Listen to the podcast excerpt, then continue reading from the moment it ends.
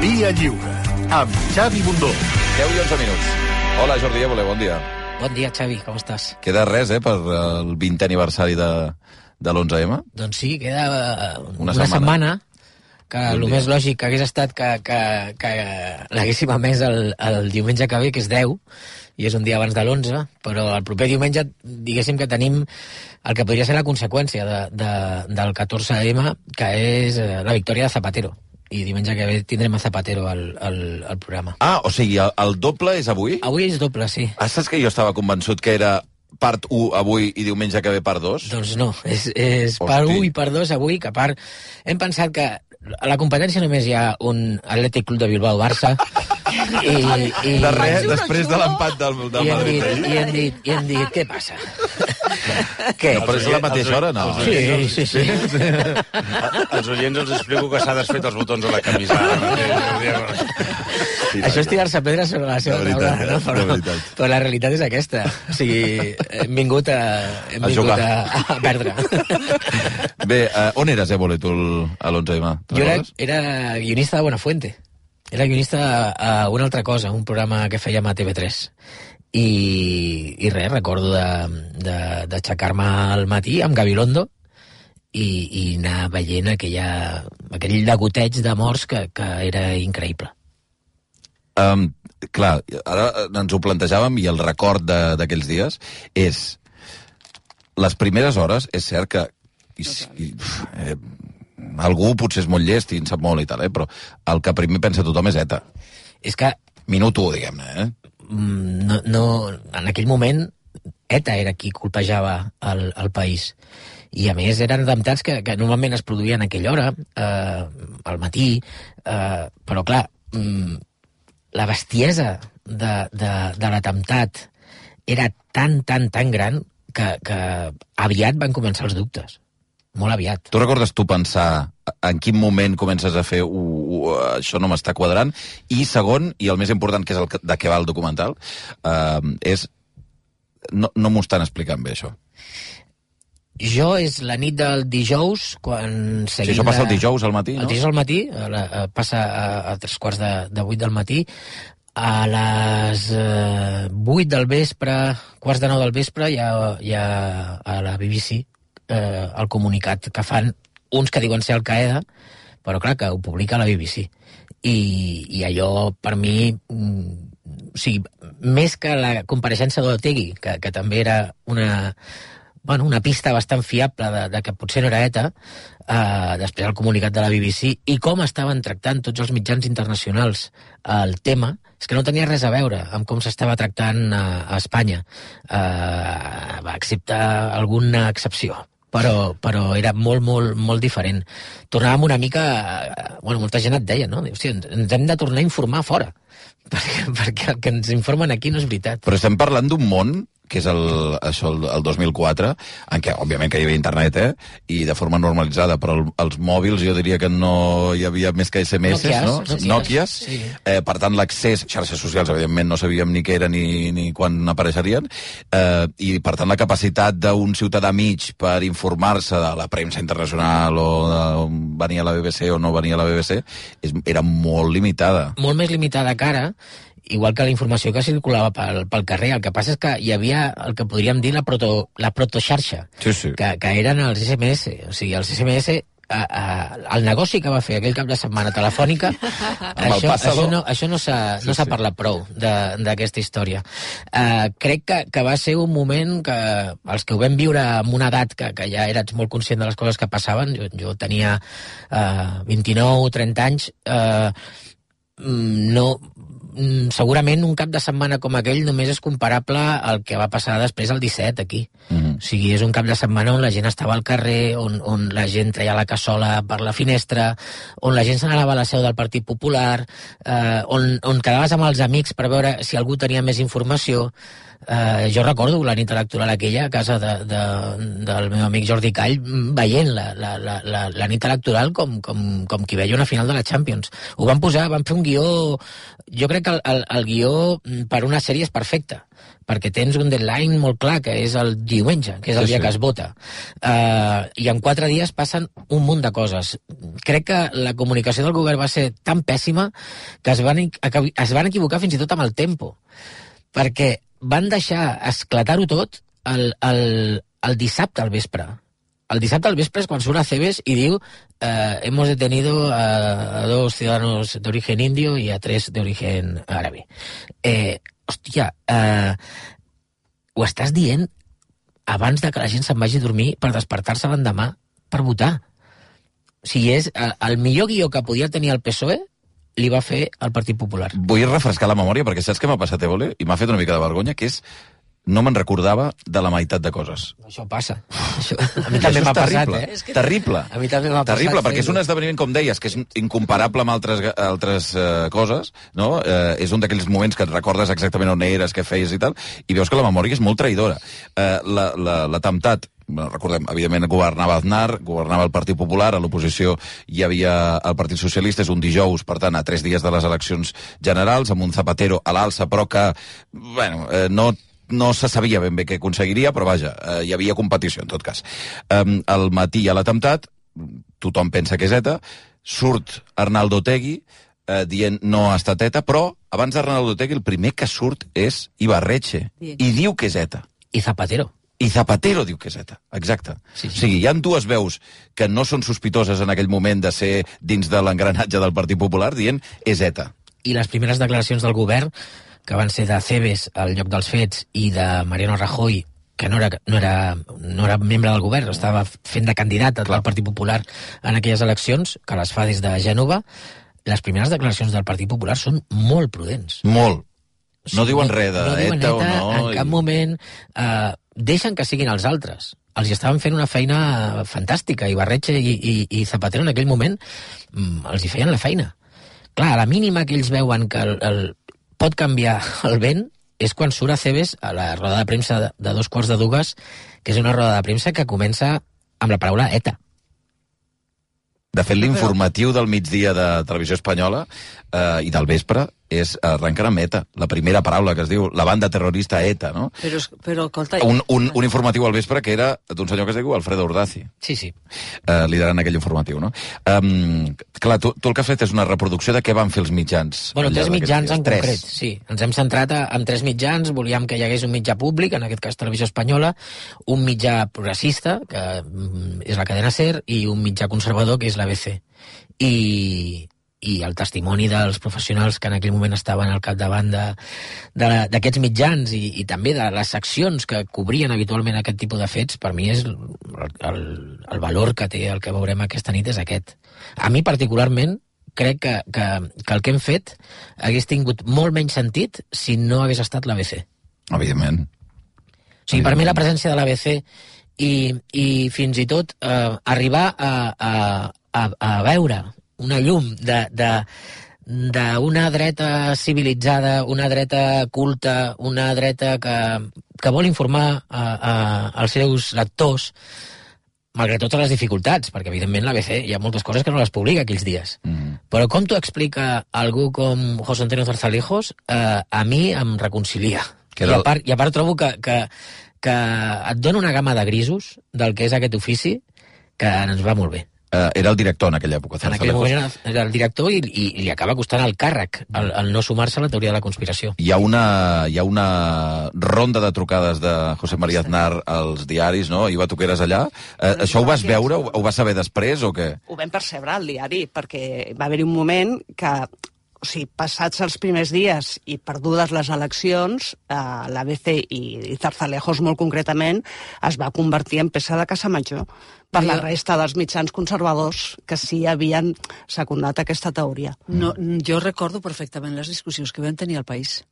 Eh, eh, ja hi havia dubtes. Ja havia dubtes, perquè va sortir primer l'Ebarretxe, però després no sortia la, la reivindicació. I això era molt significatiu perquè ETA sempre reivindicava immediatament. Hi havia bastantes dubtes. I llavors es va produir la, la trucada del senyor Aznar, directament en aquest cas a Severio, que traurà un llibre ara que explicarà també com, com va anar, La llamada es diu. la llamada. I llavors, eh, les dub els dubtes que hi havia, llavors Severio va reunir al, a la direcció i va dir, tinc aquesta trucada, és Aznar qui ho diu, I llavors tothom va convenir que qui té més presumpció de veracitat que el president d'un govern en un moment que acaba d'haver-hi una estesa de El pitjor. morts El pitjor temptat de la història. el pitjor atemptat de la història, qui pot tenir més presumpció de veracitat? I llavors es va canviar la portada. Hi havia una, una portada relativament neutra en el sentit de dir muertos i es va acabar fent una portada ETA. Era massacre, massacre terrorista en Madrid Exacto. i van canviar per massacre d'ETA En Madrid. Efe- I aquest canvi de titular, fixeu-vos si és important, aquest canvi de titular. El diari anava Radical. prudent. Reben la trucada d'Aznar, donen ver, versemblança i credibilitat a lo que diu Aznar perquè és el president del govern i no te truca un president del govern en unes circumstàncies com aquestes. Se suposa per dir-te una mentida. I mira que, quin resultat. No, no, és impressionant per això que deia, perquè uh, la gent que no es dedica a l'ofici, eh, però, però en tot cas, uh, la possibilitat que davant d'una circumstància que és tan traumatitzant per tota la societat, com un atemptat, que és el pitjor, que et deixa desenes i desenes, una estesa de cadàvers, uh, i, i, i tothom amb por, perquè en aquell moment dius, bueno, hi ha hagut una bomba uh, o diverses bombes a Totxa, però ningú em garanteix que d'aquí a 5 hores n'hi hagi un altre a un altre lloc. Veníem de, de les Torres Bessones, que hi havia hagut dos avions, però un altre que n'hi havia hagut en una altra banda. Tothom sabia que allò sí es podia produir d'aquesta manera, no? Llavors, la trucada d'un president de govern o un director, de la, en aquest cas, de, de comunicació o un cap de gabinet o fins i tot un ministre de portaveu dient no tingueu cap dubte, és ETA, ho sabem, eh, totes les vies van cap allà, Jo crec que, que, que Espanya va ser precursora en un tipus de, de, De mentida. de, de mentida que després hem, hem institucionalitzat i li diem fake news i tot això, però el 2004 no hi havia trampisme, no hi havia bolsonarisme, no hi havia urbans, no hi havia res d'això. I ens ho vam inventar sense voler o volent, però, però ens ho vam inventar, vam aconseguir que, que una mentida quallés de tal manera que durant els quatre anys posteriors hi va haver mitjans que es van abonar a aquella teoria i van continuar dient que era ETA durant quatre anys, malgrat el judici, Tetadine, malgrat la sentència... eh, Goma dos, Era diari, tot era diari, la portada del Mundo i després com ho recollia Federico Jiménez Los Santos en el seu programa. Federico Jiménez Los Santos va arribar a demanar, va donar el telèfon de l'ABC a l'antena perquè la gent es donés de baixa de l'ABC. O sigui, la, la fractura dins de, del que serien els mitjans conservadors espanyols era abismal. Això no, no, no ho recordem, però per mi el més important, com un president del govern manté una teoria que és mentida, avui, avui dia Aznar encara no ho reconeix. O sigui, avui veurem una resposta que em va donar a mi a l'any 8 21, fa dos anys, respecte a això, i no fa una passa enrere. I és, és el que provoca la fractura absoluta en la que viu avui la política espanyola. O sigui, jo crec que allà està l'embrió de la polarització d'avui. Està l'embrió de que PSOE i PP no es puguin entendre. Està l'embrió de que aquí no hi pugui haver una gran coalició. I, i, Eh, i seria, la... seria més lògic, eh? Que Espanya, eh, eh, amb el panorama que hi ha, s'hagués produït ja una gran coalició. Mhm. Seguint els, els, les passes d'Alemanya. No, és impossible. És impossible, perquè la fractura entre ells és molt dolorosa i molt profunda. I hi ha només una fractura entre les elites polítiques. És eh, entre els mitjans i els, els lectors d'aquests mitjans, eh, la, la ciutadania, no? De, el que dèiem ara abans. És impossible que un, un resultat d'una comissió de Venècia, eh, si tu creus una cosa, et creguis un cantó o creguis l'altre. Bueno, Perquè tu ja vens amb una idea preconcebuda i s'ha acabat. I m'és igual el que et digui aquell l'altre, i sobretot si és l'altre, mira, és que m'està intentant enredar. I si compra les mascaretes al germà d'Ayuso, ostres, quin corrupte, i si el compra un socialista, bueno, anem a, enviar, anem a veure què ha passat. O sigui, jo sí. crec que, que, que estem en... A, a, a, bueno, som, som hinxes. No, ens hem convertit en una mena de... Hooligans. No, no sé si de hooligans tant, però sí que som seguidors de- d'unes idees, i aquestes idees es manifesten o bé a través d'un partit polític, o bé a través d'un diari, o, o bé a través d'una ràdio. Per això m'agrada destacar i això algú li pot sorprendre, però m'agrada destacar la presència de l'ABC en, aquest, en, en aquests dos especials perquè allà hi ha grisos. Allà comences a veure que, que, que les coses no són blanques o negres, que no són els fatxes de l'ABC que no volen informar d'això, que hi ha molts motius al darrere, que, que t'ho explica el seu director i, i, i arribes a empatitzar amb ell. Mm -hmm. I a mi això és una cosa que em continua seduint molt.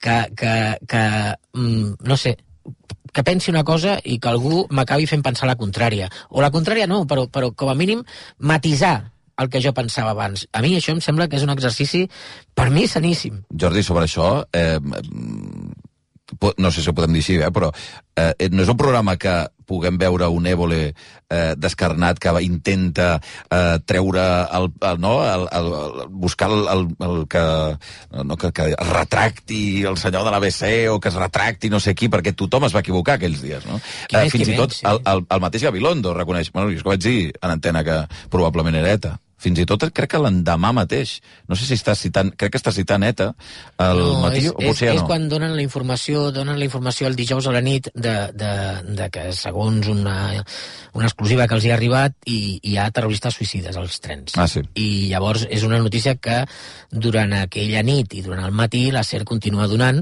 i que ha sigut la gran bandera que ha utilitzat la premsa que, que ha estat la, la, la capdavantera amb la teoria de la conspiració per dir que la SER també va mentir. Mm. Bueno, la SER va mentir una nit. I, de fet, després van retirar la notícia de, de, de les seves portades i van dir, fins i tot, eh, hem ens hem equivocat. equivocat. Jo encara no he escoltat a, a ningú d'aquell govern, no d'un mitjà de comunicació, Mm. d'aquell govern, que ens digui eh, sí, eh, vam intentar mentir perquè volíem guanyar les eleccions. Mm. Bé, eh, el que dèiem al principi és que les circumstàncies d'aquell moment eren tan bèsties que és que depenia qui fos l'autor, el que havia posat la bomba, el qui guanyava les eleccions. És que era molt bèstia. Però veníem d'una legislatura molt, molt, molt, molt curiosa. O sigui, l'any 2000 Aznar guanya per majoria absoluta. És el primer cop que la dreta, després de la dictadura a Espanya, guanya per, per majoria absoluta. Fa una governança que no té res a veure amb els seus primers quatre anys eh, pactant en Convergència i Unió i el PNB. Fa una legislatura on és eh, por aquí, por donde pase, no va a crecer la hierba. O sigui, és, és a saco. És a saco. És una legislatura on, on menys tenen eh, la llengua, eh, amb, frases com aquelles de, del, del, del Miguel Ángel Rodríguez, no? en sala de premsa, parlant del, del català com si fos un dialecte. Aquest tipus de coses que tu saps que l'únic que estàs fent és mal. L'únic que estàs fent és generar fractura. Yo no me rebajo a hablar de chapas. Ah, per Les exemple, xapes, exacte, les senyor. xapes, les xapes de les matrícules. Les matrícules, sí, és sí. aquest tipus de coses, és aquest tipus de governança, és aquesta arrogància. I van governar durant quatre anys d'aquesta manera. Clar, es van trobar amb el prestigi. No li van fer ni cas, ni cas. Van eh, a Galícia, mobilitzacions amb el Nunca Mais, de l'hòstia, van arribar les municipals, les autonòmiques, i a Galícia va tornar a guanyar el PP, a Muxia va tornar a governar el PP al seu ajuntament, és a dir, no va passar absolutament res. El 2003, un any, just abans un any de que passés aquest atemptat, hi ha les grans mobilitzacions contra la guerra, que no sé si recordeu la portada del New York Times dient mm, què passa en Barcelona. Per, perquè, clar, veien aquella, aquella quantitat de gent i deien, ostres, això... Bush, crec, que fa la pregunta, Sí, crec que sí. és Bush, diu, Sí, sí, quanta gent hi havia a Barcelona? Exacte. Barcelona, Exacte. diu. Clar, és, és, és un any abans. Mm. I, i allò, Aznar, és que no es retracta en cap moment. De la foto de les Azores, l'únic dirigent que no ha estat capaç de dir oye, pues mira, lo de las armas de destrucción masiva eh, nos informaron mal. Eh, no, no ha estat capaç de dir-ho. Clar, es troben... Eh, eh, van fer un còctel molotov, van fer una olla a pressió tan bèstia que els hi va esclatar aquells quatre dies. Aquells quatre dies que van voler continuar fent el que portaven fent tota la legislatura, que era arrasar. Era aquí manem nosaltres. I no hi ha ningú que ens porti la contrària. I si diem que és ETA, és ETA. Sobre Bush, ara que l'has tret, hi ha una cosa... Hi ha una cosa brutal, que és que Televisió Espanyola aconsegueix... No aconsegueix, crec que és la Casa Blanca que truca a Televisió Espanyola dient vull una entrevista amb el president dels Estats Units. El primer cop a la història que un president dels Estats Units truca a una, a una cadena, ja sigui espanyola o d'on sigui, per dir, eh, si us plau... Eh, Si no us fa res... agafeu unes dependències de la vostra ambaixada, que anirem a l'ambaixada a fer l'entrevista George Bush, el fill, i, i la, la seva dona, amb Lorenzo Milà. És una entrevista... Eh, Històrica. bueno, Televisió Espanyola més que no la va emetre sencera. Van fer una peça al telediario, per què? El Fran Llorente ho explica molt bé. El documental diu, clar, la línia era clara. O sea, si salía Bush, y Bush tenía un protagonismo durante estas horas, era Bush, Aznar, Azores, guerra. Tal qual. I era el que volien desfer. O sigui, no, no podien, ni tan sols tenint la gran exclusiva d'una entrevista amb el president dels Estats Units, Que això no passa mai. No, pas, no ha tornat a passar mai, no ha per sort. a passar, per aconseguir una entrevista sí, ja, és, però que es proposi ell. o sigui, us faria res entrevistar-me? Com? és- Home, però que esteu vist dient... l'èxit, no ho han tornat a No, provar. clar que no ho han tornat a provar. Si no la van ni a emetre. Però avui RTV Play també crec que, l'han penjat, em sembla, i ara es pot veure sencera l'entrevista que no es va veure. dimarts hi ha un documental a, a Televisió Espanyola sobre aquesta entrevista. O sigui, nosaltres, nosaltres expliquem la història, però, evidentment, Televisió Espanyola doncs, haurà aprofundit molt més en el tema, però nosaltres avui ja, ja expliquem aquesta, aquesta història que era, mm, era coneguda. El que passa és que, diguéssim, que 20 anys després se li ha donat a, a bueno, l'espai que, que potser mereixia. En aquell moment era ambaixador d'Espanya a, als Estats Units, a Washington, a, a Rupérez, Javier Mm. Un senyor de, de la UCD, del centre dreta espanyol, d'això que parlàvem abans d'aquesta possible dreta civilitzada que hi podria haver en aquest país. Rupérez truca a Aznar i li diu el que li ha dit Bush. O sigui, que Aznar eh, continuï dient a, a dia d'avui que el dissabte no hi havia cap indici per pensar que fos Al Qaeda, que es va obrir una línia d'investigació, però que la principal pista era ETA i continuava sent ETA, és que és allò de, de, de quan t'han enganxat amb una infidelitat i, i no és lo que parece, no, sí que és lo que parece, o sigui, és justamente lo que parece. Hi ha una imatge impressionant de la, de la redactora, no recordo el nom, la redactora de, sus, de successos de l'ABC, Cruz Morcillo. eh, Cruz Morcillo, que diu que li està cridant a la tele, a la compareixença de Cebes, dient «Però què m'estàs contando? El testimoni, mientes?» No? el testimoni de la Cruz és tremendo, perquè la Cruz no havia parlat mai d'això, i, i va decidir parlar, pues això, diu, bueno, ja han passat 20 anys, la Cruz estava embarassada aquell 11M. Era una tia amb uns contactes a la policia i al Ministeri de l'Interior acollonants. Quan truca a, a, al Ministeri, diu, bueno, pues me voy, para la, me voy a la estación. Y le digan, ni se te ocurra, y menos estando como estás. Bueno, la tia no va, però se'n va al Gregorio Marañón. Allà comença a veure mm, la barbaritat que, que, que ha suposat aquell atemptat, que no podem oblidar. Si no podem oblidar aquestes 192 morts i 1.835 ferits. O sigui, eh, hi ha una cosa que diu mm, Gabilondo, que a mi em sembla molt encertada també, que és que el 14M s'ha menjat l'11M Totalment. i, i no podem oblidar el que va suposar allò. Hi ha una cosa que diu Zarzalejos que m'encanta, que és la radiografia que suposava eh, veure les nacionalitats dels morts. Perquè allà hi havia espanyols, però hi havia senegalesos, hi havia... eh, Bueno, és que eren les 7 del matí d'un dia laborable a una estació cèntrica de Madrid. Hi havia Era- gent anant a treballar. era, la, era, era el que... Eh, eh, Espanya que madruga. L'Espanya que madruga o la- l'Espanya de les cocines, que, que, que, que sembla que no vulguem entrar en aquestes cuines i veure qui està en aquestes cuines. Era aquesta gent la que anava al tren. Era aquesta gent. El cop va ser per moltíssimes famílies humils, molt humils, que el que feien és treballar aquí per enviar una mica de diner a casa seva. Aquesta gent va ser la colpejada. I potser en això també hi ha un punt de, de, de que el 14M hagi tapat l'11M Mm -hmm.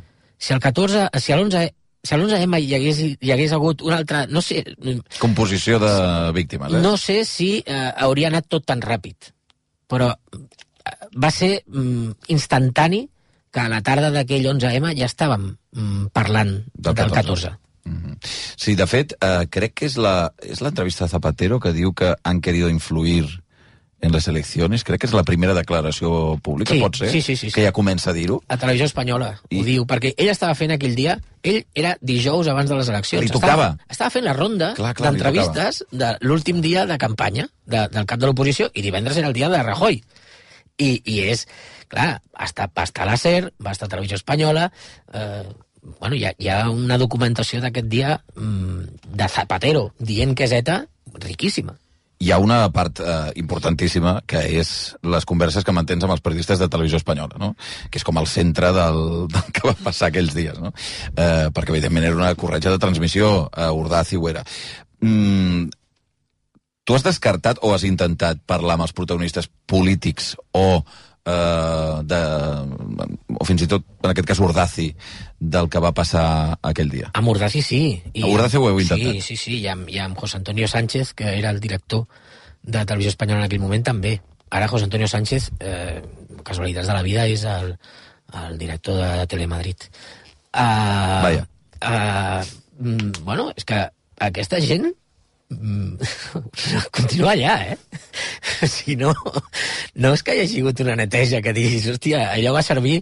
Bueno, ha estat uns quants anys fora de televisió espanyola, però ara ha aconseguit un altre cop recuperar la plaça. Certament. Cosa que em sembla fantàstic perquè mm, dona fe del que funciona el, el, el sistema d'oposicions en aquest país. Però, però continuant allà, i evidentment els hem intentat. No hem intentat amb cap polític. O sigui, O sigui, Aznar, Zaplanes, no, no, no. Acebes, tot això. O Res. sigui, volíem fer un enfoc que fos exclusivament eh, amb els mitjans i, i tres mitjans d'òrbites diferents i no, no, no, no hem trucat a, a cap polític. I després volíem tenir el, el, el resultat d'aquells dies, que, que és a, a, el zapaterisme, diguéssim, i, i és el que tindrem diumenge que ve. Està feta l'entrevista amb Zapatero? No. No, no, la farem aquesta setmana. Sort que no està feta, perquè, clar, amb el marrón que tenen... Sí, perquè quedaria allà una mica... Eh, Què anaves a dir, Sara, perdona? No, que anava que ha de marxar, que- pobra, i està Oh. aquí ja, mira, amb tota la roba posada. Sí, sembla que- un esquimal ara mateix. Ens, ens, toca, ens toca guàrdia. Ja. No, anava a dir, eh, jo no ho vaig viure des del punt de vista d'estar treballant en un, en un mitjà de comunicació, ho vaig viure estant a primer de, de carrera, justament, Mm. de, de periodisme, i sí que recordo que, ostres, vam estar mesos i mesos analitzant com s'havia actuat mediàticament i va ser realment una escola d'aprenentatge per una banda i un xoc de realitat per l'altra, no? Al final estem parlant d'uns estudiants de periodisme que arrenquen amb tota la il·lusió del món i de trobar-se al davant doncs, l'anàlisi real d'uns dirigents polítics que actuen amb una absoluta irresponsabilitat i una tasca periodística absolutament difícil, no?, donades les, les circumstàncies, perquè també es, va, es van produir debats sobre les fotografies, les imatges, no?, que s'estaven publicant aquells dies, i ja des del punt de vista també com a ciutadana, clar, jo justament eh, feia 19 anys aquell 14 de, de març, era la primera vegada que podia votar en unes estatals, no?, Ostres. i, i d'alguna manera prens eh, consciència de la importància del vot. Jo crec que... Eh, almenys generacionalment, i això sí que ho he comentat amb, amb gent que és contemporània meva, no? de que vam prendre la, la consciència de com més d'important la, la participació i com de lesiva pot ser la, la desafecció, perquè realment els ciutadans hi tenen molt a dir, i més en una situació tan convulsa on veus que hi ha dirigents polítics que menteixen tan descaradament, no? Com el teu vot pot fer canviar una, una situació, sobretot, clar, vam viure tot el tema de, de la cadena dels SMS, eh, la jornada de reflexió, les protestes amb les, amb les cassolades, o sigui, realment va ser una entrada en el món de la possibilitat del vot, no?, que va ser molt, molt significativa. Almenys jo no l'he oblidat mai i no he deixat de participar mai en unes eleccions, justament per com em va marcar aquell, aquell moment. Déu i t'entra García Sara, eh? Gràcies a vosaltres. Perquè avui li toca treballar també, que, a veure què passa. A veure què passa. A, a mi m'ha interessat molt una part que has dit, que dius, això va ser molt abans del trampisme. Mm. Uh, aquí s'inaugurava una fase que ja venia, perquè lo de les armes de destrucció massiva ja era també una alteració de la realitat amb un relat absolutament, diríem, distorsionat i orientat precisament a, que, a, a, a, a justificar no és menys que una invasió d'un país, eh? cuidado, que, que veníem de palabras mayores. Però jo trobo que aquí el, el tema de l'11M el que fa és que instaura una mena de tot s'hi val i dos, una altra cosa molt important. La idea, des de cert poder, que quan tens el poder i tens els mecanismes, pots alterar i modificar la realitat a base d'un relat. I això s'ha instaurat en la política d'alguna manera, i per això el relat ha passat a tenir tanta importància. I d'aquí ve la derivada segona i tercera, que és aquella de que entrem en la fase de polarització en què la gent ja pren partit, periodisme de trinxeres, ciutadania de trinxeres, i llavors distorsions cognitives que fan que no escoltis el que diu l'adversari, no vegis els grisos, etc etc. És a dir, tot neix aquí. I un dels principals hacedors de tot això, el que ho materialitza en molts casos, és el Miguel Ángel Rodríguez, que curiosament el tornem a tenir actiu en una part de la política espanyola en aquests moments, no? Hi ha un, hi ha un moment de la, de la, del programa que, que crec que és molt significatiu, que jo no recordava també, que és que la primera gran reunió interna del govern d'Espanya eh, sobre la crisi del que acabava de passar, insistim, el pitjor atemptat de la història amb desenes de morts, és sense els membres del CNI a la sala. Sí, sí. O sigui, és una reunió política. es, es el moment en el que Gabilondo diu, mm, cuando vi la alineación de esa reunión, mm, dije, esta gente no está pensando en el atentado, está pensando en las elecciones. Clar, la reunió estava eh, Zaplana, que era el portaveu, Aceves no hi era perquè estava al Ministeri de l'Interior, s'incorpora més tard, estava eh, ostres, el candidat aquell que tenia el PP sempre a Andalusia i perdia. Eh, Ah, sí, sí, el, el Aceves. no, No, Javier Arenas. Javier Arenas. Arenas, Javier Arenas. Javier Arenas, que, Arenas. era- que era un tòtem del Partit Popular Bueno, en aquell el, moment. el, el, Doncs aquesta Javier. Arenas, que, que havia sortit en, un, en unes altres... Eh, eh, que va sortir, si recordeu, a la televisió espanyola dient que havia habido tongo en unes eleccions. Sí, sí, sí. Aquest personatge. també es va acunyar després d'aquesta d'aquestes eleccions el terme del, del govern il·legítim. Mm. Del, del govern que arriba al poder d'una manera, mm, bueno, que, que ha estat tramposa. En aquest cas eh, Totalment. era eh, el, el que li deia Federico Jiménez dos Santos a, a Zapatero, que li deia a Zapatero ETA lo tiene cogido por los vagones. Frases d'aquestes són les que, les que van, van poblar les ondes i, i, i, i el, els diaris durant aquells quatre anys. És que és molt bèstia, quatre anys. I un diari, un, que l'endemà de l'atemptat posa en portada que és, és Al-Qaeda. Sí, La Voz de Galícia. L'únic Ah, diari d'Espanya. L'únic diari d'Espanya que porta aquesta informació, a part dient descartamos la, la, l'opció d'ETA. És molt curiós aquell titular. I és molt curiós també qui, qui, qui hi havia al darrere de, de la Voz de Galícia en aquell moment. Perquè estava Vieito Rubido, que després va ser eh, el director de l'ABC. Eh, I, I no dels més conciliadors. per això dic que és, és, és curiós. Clar, has d'estar en, en, en cinquè de, de premsa espanyola conservadora per entendre tota aquesta moguda. Eh? No, és però, però, però realment el, el titular de la, de la Voz de Galicia que diu una cosa a la Cruz Morcillo, que diu, hombre, no es lo mismo estar al frente Això de la Voz sí, de Galicia que al frente de l'ABC. Sí, sí. Però bueno, té molt de mèrit que en aquell moment un diari, en aquest cas un diari eh, local o no sé, com, regional, no sé com li podem dir, eh, eh, digués eh, i posés aquest titular. Eh, on anireu a gravar Zapatero? Crec que, crec que un hotel.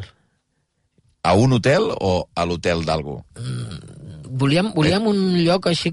És que aquestes coses s'encarrega l'equip de realització del programa i l'equip de, de, mm. també de, de Trezzo i, i jo la, la veritat és que intervinc poc amb, amb això. Està Tinc, tinc molta sort amb un equip i, que, que s'ho curra molt bé i que jo eh, només he de dir ostres, que guai aquest lloc.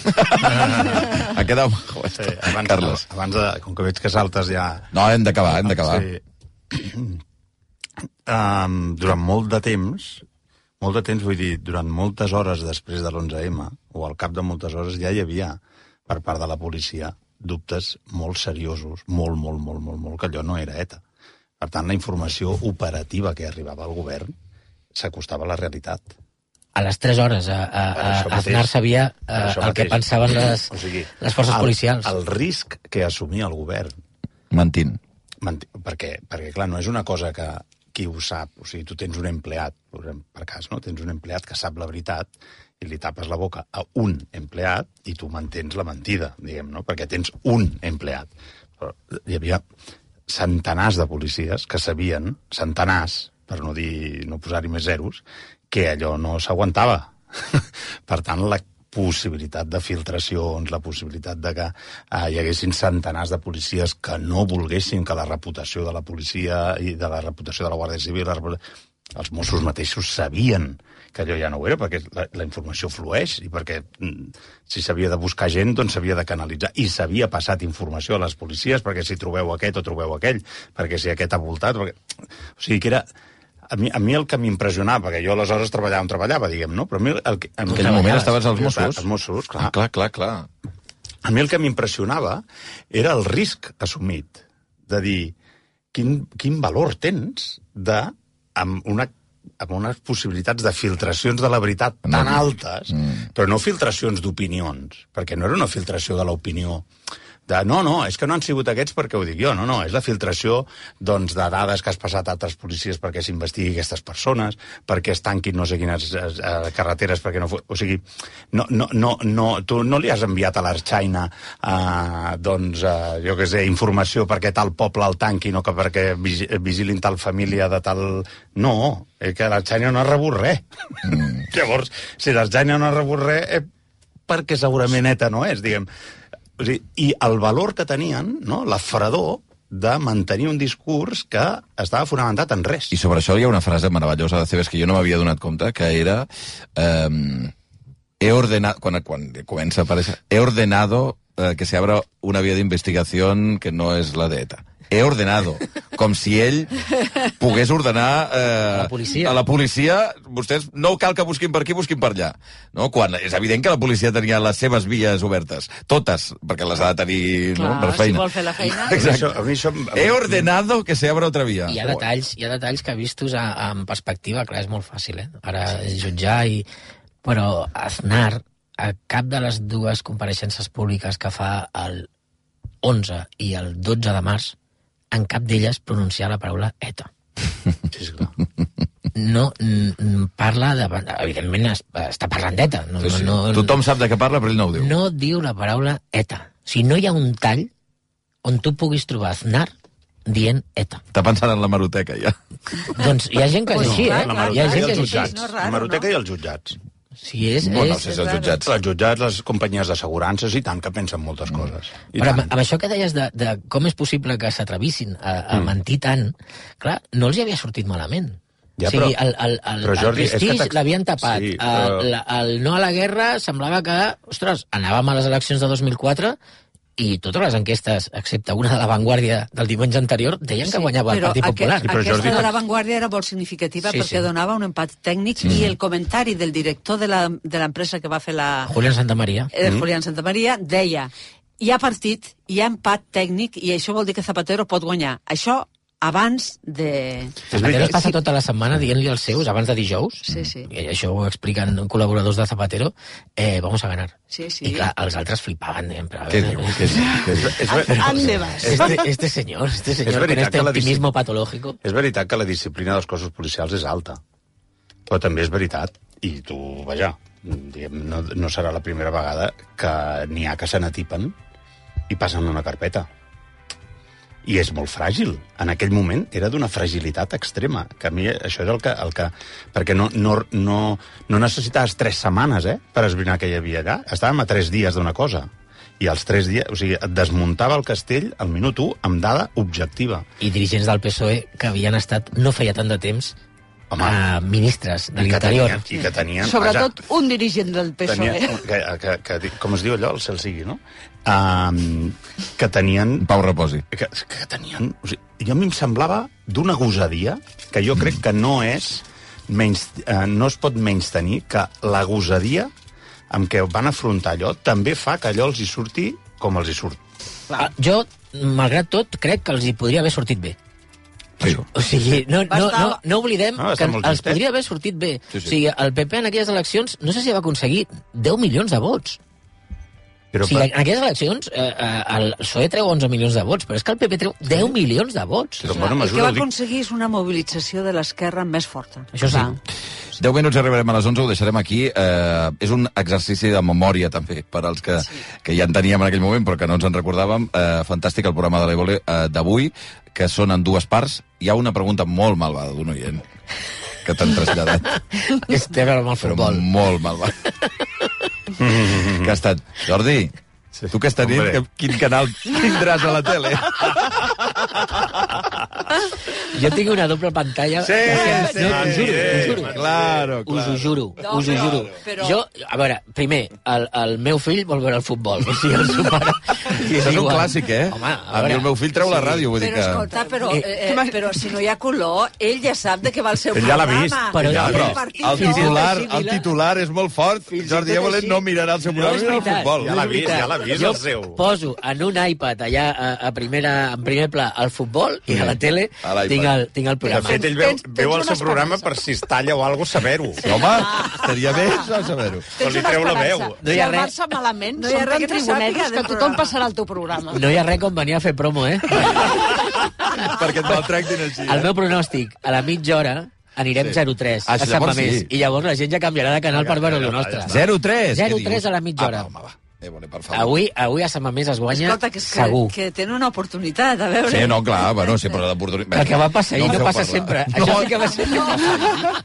el que va passar ahir, tu estaves seguint-ho en aquell Hombre, moment? si ho estava seguint. Però què et va semblar? Home, jo em vaig cagar quan vaig veure entrar la pilota. La pilota no, un altre cop, no em Otra fer. Però a més ja ho sabíem que passaria i tot això. Amb el 2 a En 0 canvi, jo li vaig dir al meu fill, dic, no, tranquil, espera, que... Tinc, tinc un missatge de Santi Jiménez amb el 2 a 0 que diu esto acaba 2-3.